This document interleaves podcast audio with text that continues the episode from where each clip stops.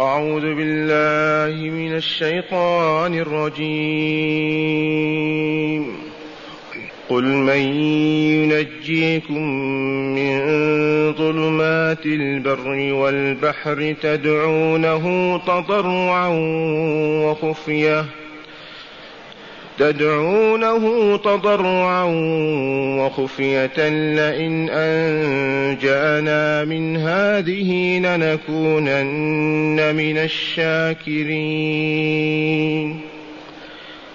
قل الله ينجيكم منها ومن كل كرب قل الله ينجيكم منها ومن كل كرب ثم أنتم تشركون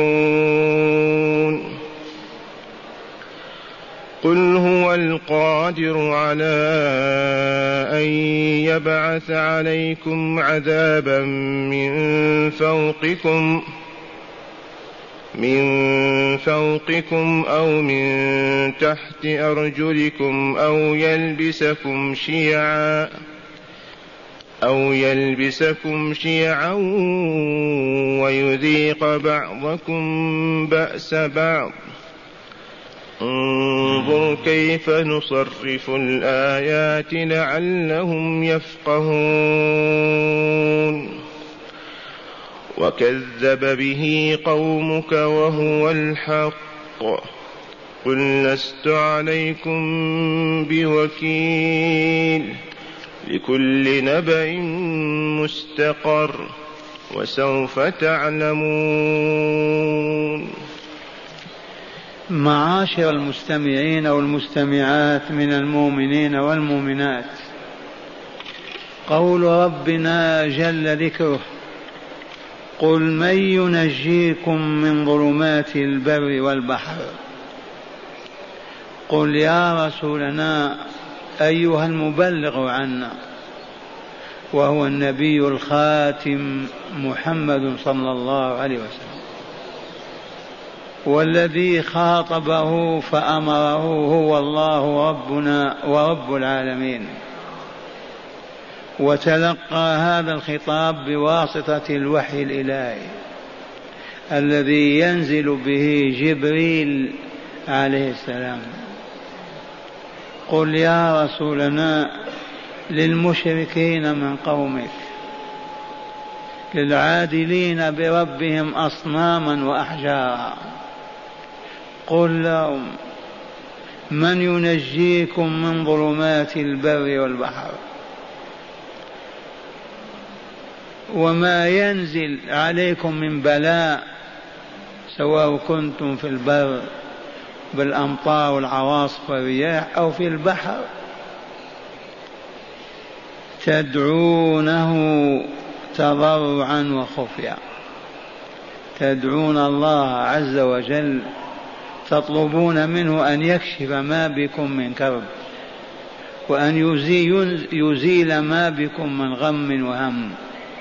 عندما يصيبكم ذلك تدعونه تضرعا أي حال كونكم متضرعين إليه بالأصوات الخافتة الخفية الدالة على الاستكانة والفقر والحاجة.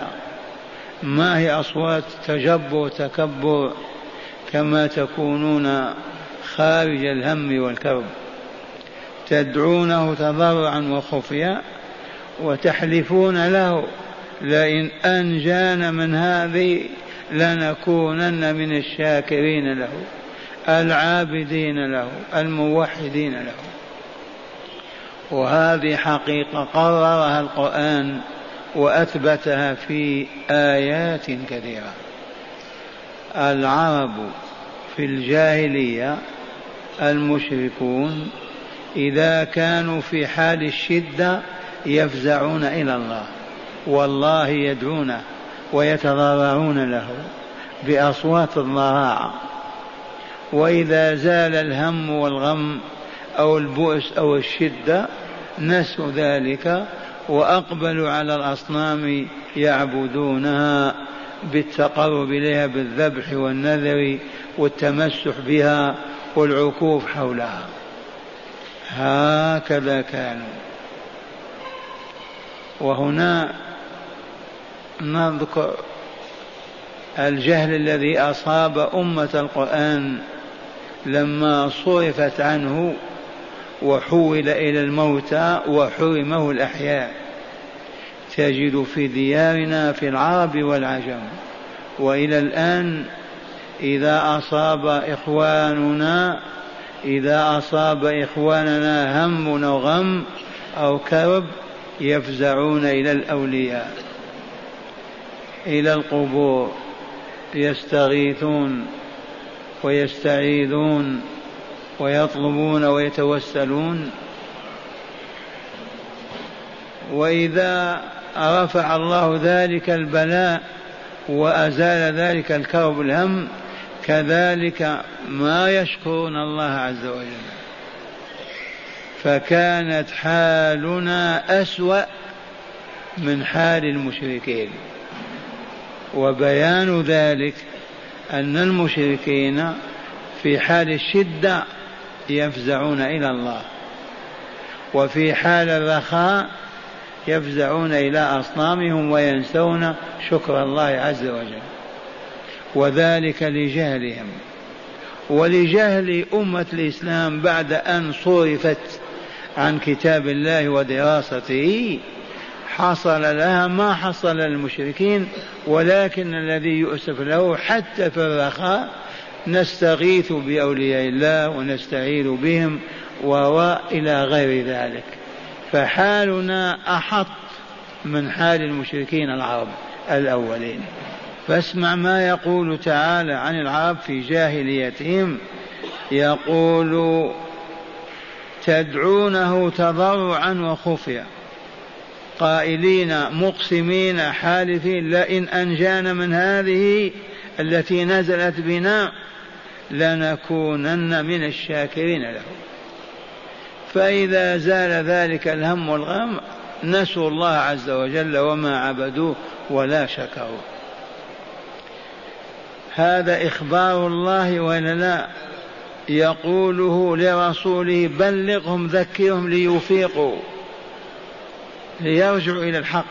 هذا موقفهم قل من ينجيكم من ظلمات البر والبحر تدعونه تضرعا وخفيا لئن أنجيتنا من هذه لنكونن من الشاكرين. وإذا أنجاهم ينسونه ثم قال تعالى لرسوله قل الله ينجي ينجيكم منها ومن كل كرب ثم أنتم تشركون. قل لهم يا رسولنا الله ينجيكم منها. هذه المحنة أو هذه الأزمة أو هذه التي حصلت. ينجيكم منها ومن كل كرب. ومع الأسف أنتم تشركون. لا تكونون من المشركين. لماذا؟ الجواب ما عرفوا الله. ما عرفوا ما عنده وما لديه. ما فقهوا ولا علموا فلهذا يجب أن يصغوا وأن يستمعوا وأن يعلموا ويعملوا. وما بعث الله رسوله فيهم إلا من أجل هدايتهم والأخذ بأيديهم إلى سبيل النجاة والسعادة. لكن الرؤساء والمسؤولين منهم يصرفونهم بأساليب الصرف كما تقدم وسيأتي. ثم قال لرسوله صلى الله عليه وسلم قل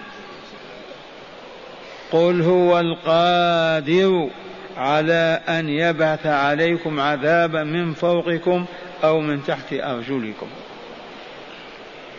قل هو أي الله عز وجل القادر على أن يبعث عليكم عذابا من فوقكم كالصواعق التي تنزل ومن تحت أرجلكم كالخسف والزلزال وتمضي الأيام والأعوام ويصبح ما ينزل من السماء الصواريخ. الصواريخ التي تدمر البلاد والعباد تنزل من السماء. وتحت الأرض المتفجرات التي تحول الديار إلى بلاقع. وسبحان الله هذا كلام الله. قل هو جل جلاله وعظم سلطانه هو وحده لا غيره القادر. على أن يبعث عليكم عذابا من فوقكم أو من تحت أرجلكم. أو يلبسكم شيعا ويذيق بعضكم بأس بعض. ما معنى يلبسكم شيعا؟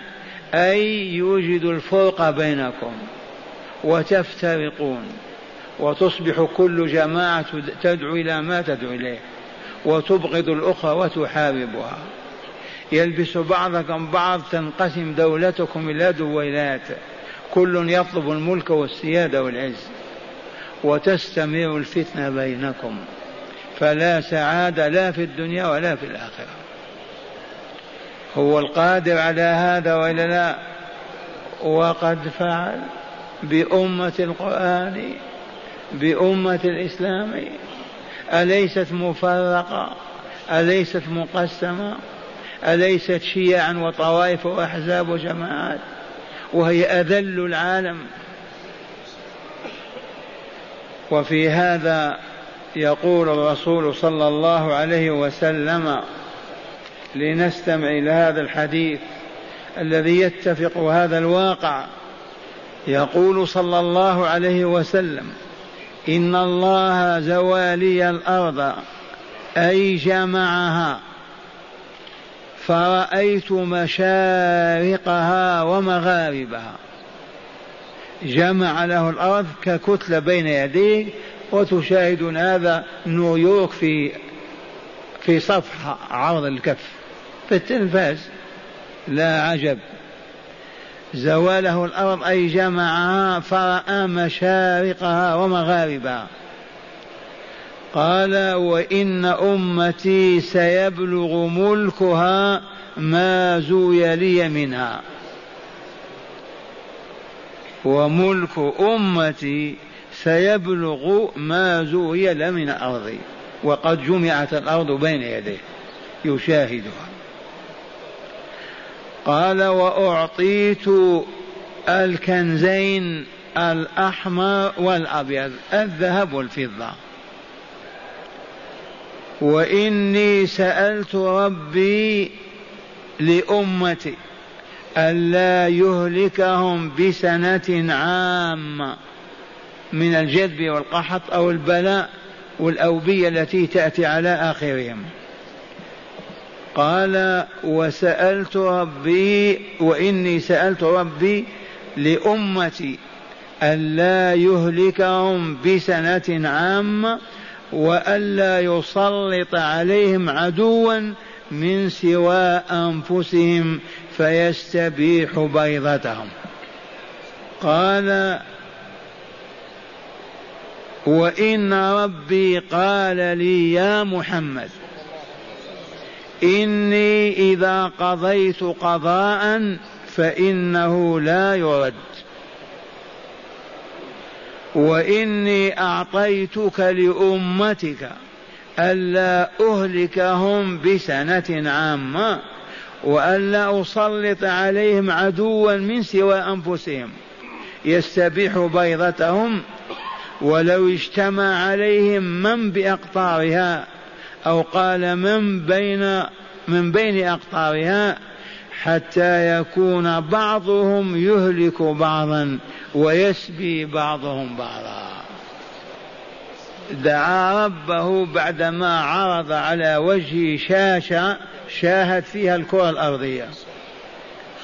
أول قبل ما يوجد هذه الآلات كنا نؤمن بما يخبر به الله ورسوله. ولا نقول كيف؟ الآن كما قلت لكم أنت جالس أمام تلفاز شاشة عرض وطول ذراع تشاهد نيويورك بكاملها. وإلى القارة الخامسة. إذا فلا غرابة ولا عجب. أن زوى له الأرض وجمعها بين يديه فشاهد مشارقها ومغاربها. كما هي. وأعلمه أن ملك أمتي سيبلغ هذا. وقد بلغ وتم. وأنه أعطي الكنزين الأحمر والأبيض. كانت أمة العرب ماذا نقول في فقرها لا وصف له. فإذا أصبح المسلمون في القرن الأول والثاني والثالث أغنى بشر البشر والعالم.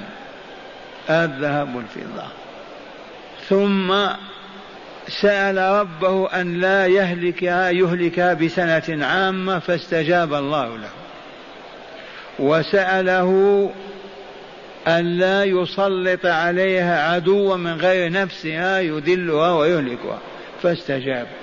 ولكن بشرط أن تكون أمتك متفقة متحدة.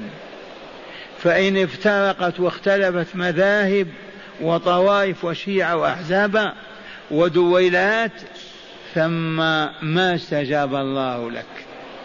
لا بد وأن يسلط عليها أعداؤها ويذلوها ويركبوا رؤوسها.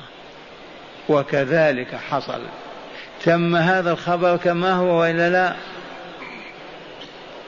أما استعمرت أمة الإسلام كلها من أقصى الشرق إلى أقصى الغرب. وأذلهم الغرب إذلالا لا حد له. ومن مظاهر ذلك الآن حفن من اليهود أذلوا العالم الإسلامي بكامله. إذلالا كاملا. ومن هنا نعرف أن الفرقة هي سبب البلاء والشقاء. الإعراض عن كتاب الله وسنة رسول صلى الله عليه وسلم هو سبب الجهل العميق الذي يصبح أهله لا يعرفون الله ولا يحبونه ولا يخافونه. فضلا على أن يعرفوا ما يحب وما يكره. وتحقق هذا فهيا نرجع إلى الله عز وجل. ما أخبر الرسول بهذا أنه لا بد وأن نسلم أنفسنا وننقاد. أعلمنا لنحذر ونتقي هذه الفتنة. فأي مانع أن يجتمع المسلمون على مذهب كتاب الله وسنة الرسول؟ ولم يبق مذهب لا حنبلي ولا شافعي ولا مالكي ولا جعفري ولا زيدي ولا أباضي ولا عثم أبدا. أي مانع؟ آه الله أمرنا بهذا؟ والله ما أمر ثانيا إذا أنهينا الفرقة في أربع وعشرين ساعة معنا كتاب الله وسنة الرسول صلى الله عليه وسلم. وفي ذلك بيان الحلال والحرام والآداب والأخلاق والعبادات والسياسة المالية الاقتصادية العسكرية كل ما نحتاجه والله متوفر في كتاب الله وسنة رسوله. أربع وعشرين ساعة أمة واحدة. هذه الأقاليم ولايات في هذا الروضة يجتمعون ويبايعون إمام المسلمين وكل يعود واليا على إقليمه ماذا يكلف هذا؟ ولا شيء. ماذا يثمر هذا كل الخير؟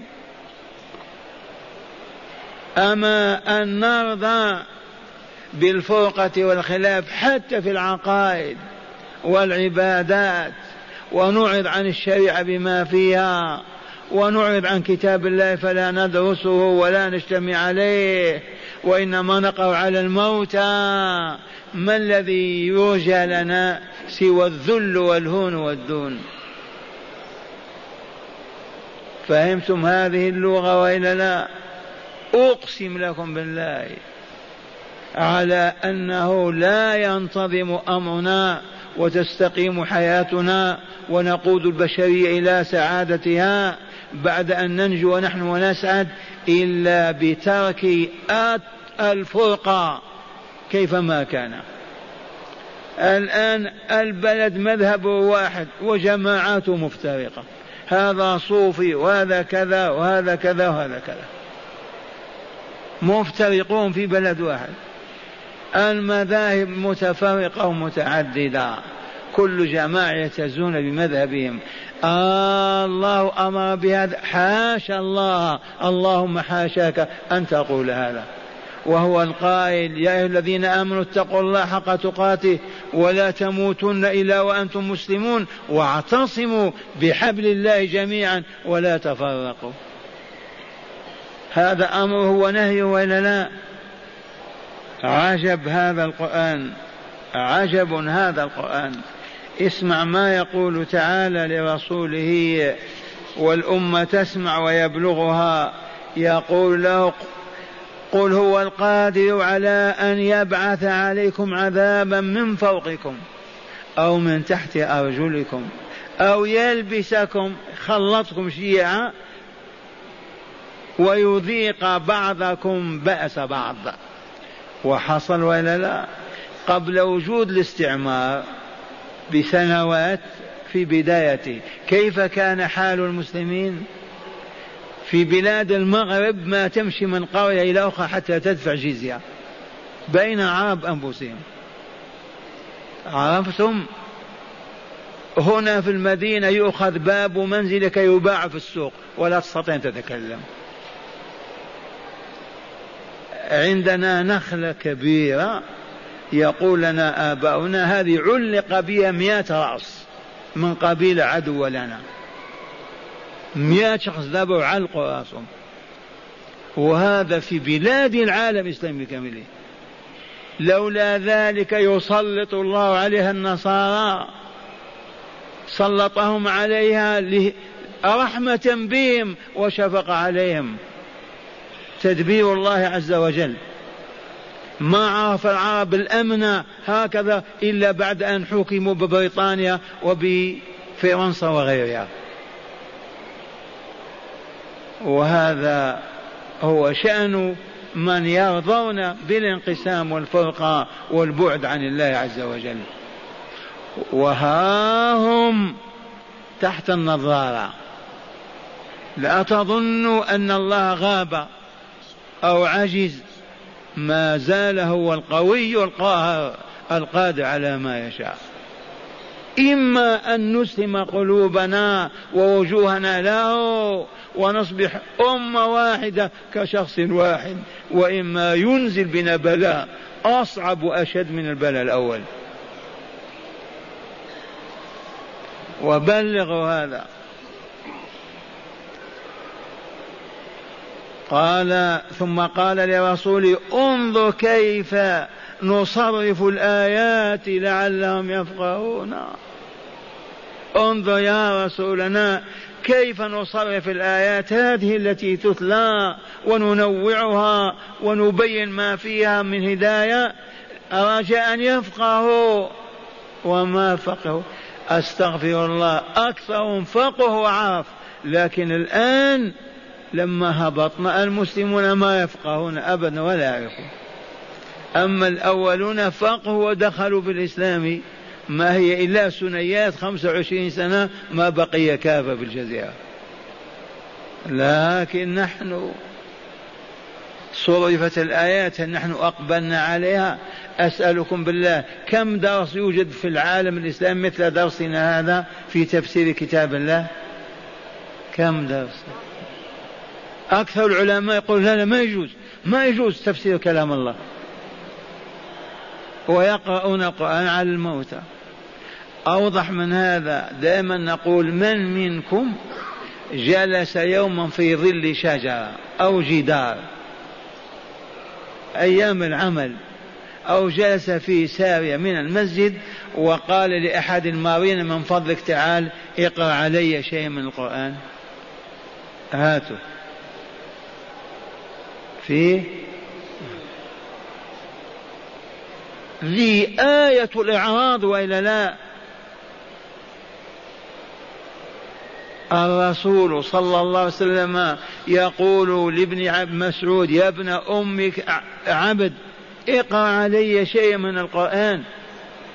فيعجب عبد الله يقول أعليك أنزل وعليك أقرأ يا رسول الله. قال أحب أن أسمعه من غيري. فيقرأ عليه من سورة النساء قرابة الثلاثين آية لما يبلغ فكيف إذا جئنا من كل أمة بشهيد وجئنا بك على هؤلاء شهيدا. يومئذ يود الذين كفروا وعصوا الرسول لو تسوى بهم الأرض ولا يكتمون الحديث قال وإذا بعيني رسول الله تذرفان الدمع وهو يقول حسبك حسبك حسبك. عرفتم أننا تحت النظارة وإلا لا؟ سئل أحدهم أين الله؟ قال بالمرصاد. وقالوا إن ربك لبالمرصاد من صورة الفجر. لا تظن أنه راضي عن أمة الإسلام وهي في هذه الفتنة. أعرضوا عن كتاب الله عن أحكام عن شرع أباحوا المحرمات علنا. أنهم آمنون يعني خوفوا الله. والله ما هي إلا الإمهال والانتظار. انظر كيف نصرف الآيات وتصريفها من موضوع إلى موضوع من حكم إلى حكم. لعلهم يفقهون أسرار هذا التشريع ويعرفون حكم هذا التشريع ويتذوقون ذلك بإيمانهم وإقبالهم على ربهم يذكرون ويشكرون. ثم قال تعالى وكذب به قومك وهو الحق. وكذب به أي بهذا القرآن المنزل عليك يا رسولنا المفصل الآيات المبينة كذب به قومك الذين أرسلت إليهم. يعني الذين كذبوا ولكن كما قلت لكم أقل من خمسة وعشرين سنة دخلوا في الإسلام ولن تجد من خرج عنه. وكذب به قومك وهو الحق الذي لا حق أبدا بعده. أليس كلام الله هذا؟ ثم قال له قل لهم أي لقومك وأنت توجه وأنت تبين وأنت تهدي قل لست عليكم بوكيل. ما أنا وكيل الله ولا وكيل السلطان ولا وكيل الملك ملزم بهدايتكم ما نملك هذا أبدا. ما علي إلا أن نبين الطريق. فمن سلكها اهتدى ومن أعرض عنها شقي وهلك. ما أنا بوكيل عليكم أتصرف فيكم. ألزمكم بالإيمان وأكرهكم على الدخول في الإسلام وأجبركم على أن تصلوا أو تصوموا. ما نملك هذا؟ ما أنا عليكم بوكيل. اعرف هذا يا رسول الله وبلغوا لهم. قل لست عليكم بوكيل. لأنهم يطالبونه كما تقدم بالمعجزات والآيات. ما هو من شأن الرسول هذا؟ ما شأنه إلا البيان. إن عليك إلا البلاغ. بلغ فقط كلامنا البعيد القاصي والقريب الداني ذي هي مهمتك. أما أن تصلح الناس وتهديهم ما هو شأنك؟ ما كلفناك بهذا. قل لست عليكم بوكيل. ثم يقول له لكل نبأ مستقر. لكل نبأ من أنباء الله وأخباره مستقر يستقر فيه لن يخطئه. فكل ما أوعد الله به وعد يتم كما أخبر. لا تفهم أبدا أن شيئا أخبر الله به لا يقع. أو يلبسكم شيعا ويذيق بعضكم بأس بعضا. حصل وإلا لا؟ تم كما أخبر وإلا لا؟ لكل نبأ من أنباء الله تعالى والنبأ والخبر العظيم. ذو الشأن مستقر زماني ومكان يستقر فيه ولا يخطئ. لكل نبأ مستقر وسوف تعلمون. طال الزمان أو قصر في الدنيا والآخرة وسوف تعلمون وقد علموا. أعيد تلاوة الآيات تأملوا. قل من ينجيكم من ظلمات البر والبحر تدعونه تضرعا وخفيا وتقولون حالفين لئن أنجانا من هذه لنكونن من الشاكرين. من هذه الأزمة التي حلت بهم. قل الله ينجيكم منها ومن كل كرب. ثم أنتم تشركون به غيره. ثم أنتم تشركون به الأهواء والشهوات والأطماع والدنيا والباطل. فضلا عن دعاء غير الله والاستغاثة بغيره. ثم قال لرسوله قل هو القادر على أن يبعث عليكم عذابا من فوقكم أو من تحت أرجلكم. والآن عرفنا عذاب من فوقنا ما الصواعق؟ الصواريخ. ومن تحت الأرجل التفجيرات. قل هو القادر على أن يبعث عليكم عذابا من فوقكم أو من تحت أرجلكم. أو يلبسكم ويخلطكم شيعا كما تخلط الثوب بالبدن شيعا أي طوائف وأحزاب وجماعات تتشيع لبعضها بعض ويذيق بأسكم ويذيق بعضكم بأس بعض. وقد فعل. كم وكم من أرواح زقت وكم وكم من أجسام كسرت بأيدي المسلمين للمسلمين. وإلى الآن موجودة. الآن في ديارنا الجزائرية أكثر من أربعين ألف خمسين ألف. ديار الأفغان إلى الآن شاهدوا آيات الله كأنهم عمي لا يبصرون وما زالوا. وهي تنتقل من بلد قبل أمس لبنان ماذا حصل فيه أكثر من عشرين سنة بلا. وها دائرة في كل مكان.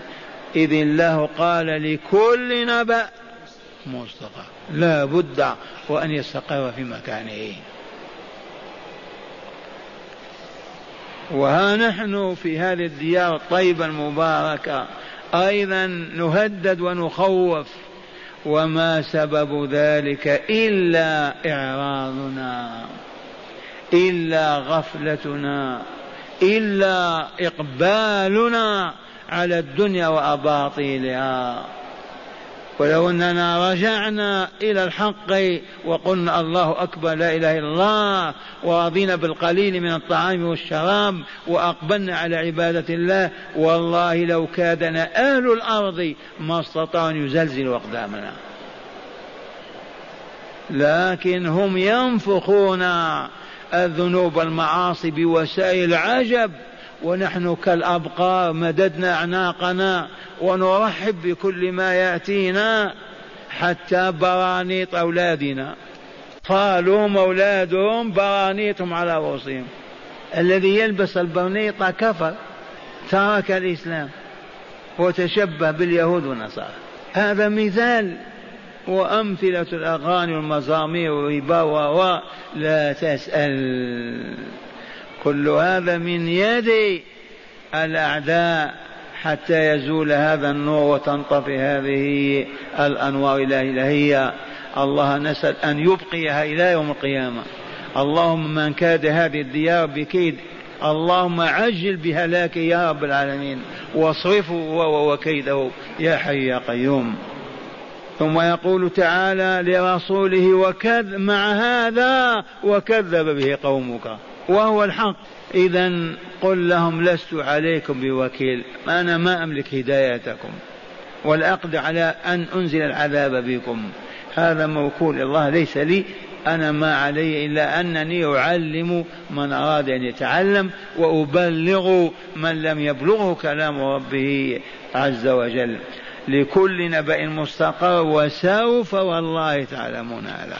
معاشر المستمعين هيا مع هداية هذه الآيات.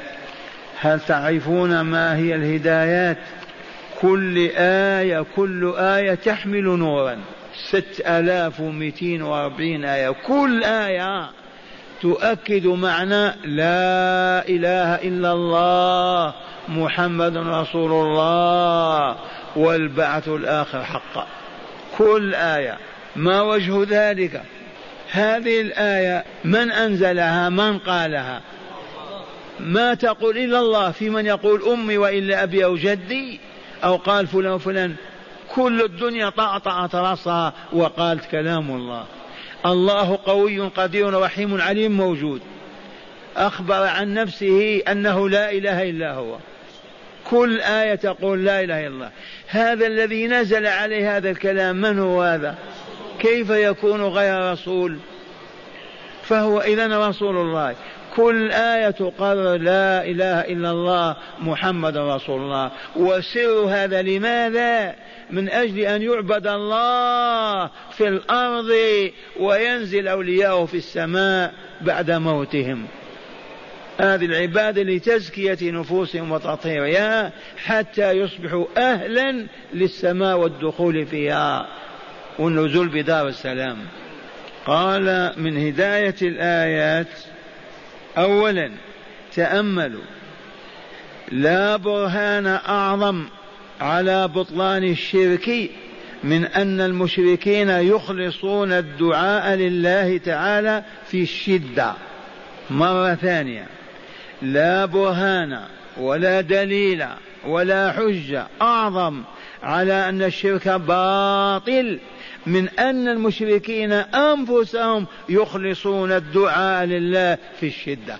لو كان ينفعهم عبد القادر ولا عيسى ولا لماذا ما يفزعون إليهم في الشدة؟ عرفوا أنهم لا ينفعونهم. لو صاخوا أمام اللات ألف صرخ والله عرفوا ما يستجيب لهم. فلماذا إذا في الشدة يفزعون إلى الله؟ معنى هذا لإيئاسهم ليأسهم أنه لا يدفع الكرب ولا ينجي من الهم والغم إلا الله. أكبر برهان هذا على التوحيد ولا لا؟ وبطلان الشرك. قال لا برهان أعظم على بطلان الشرك من أن المشركين أنفسهم يخلصون الدعاء لله تعالى في الشدة. أليس الله أخبر بهذا؟ ثانيا لا منجي من الشدائد ولا منقذ من الكروب إلا الله سبحانه وتعالى. وهذا لا يرده ذو عقل. لا منجي من الشدائد ولا منقذ من الكروب إلا الله سبحانه وتعالى. ثالثا التحذير من الاختلاف المفضي إلى الانقسام والتكتل. أو يلبسكم شيعا ويذيق بعضكم بأس بعض. التحذير منين من الاختلاف. لا يصح أن يختلف المسلمون أبدا لا في بيت ولا في قرية ولا في مدينة ولا في إقليم. أمرهم واحد تنازعوا في شيء يردونه إلى الله وإلى رسوله إلى الكتاب والسنة. ولا تبقى الفرقة أبدا. التحذير من الاختلاف المفضي إلى الانقسام والتكتل. من أين أخذنا هذا؟ أو يلبسكم شيعا ليذيق بعضكم بأس بعض. رابعا قال لكل نبأ مستقر أجري هذا مجرى المثل. لكل نبأ مستقر. أجري مجرى المثل وكذا سوف تعلمون. كالمثل.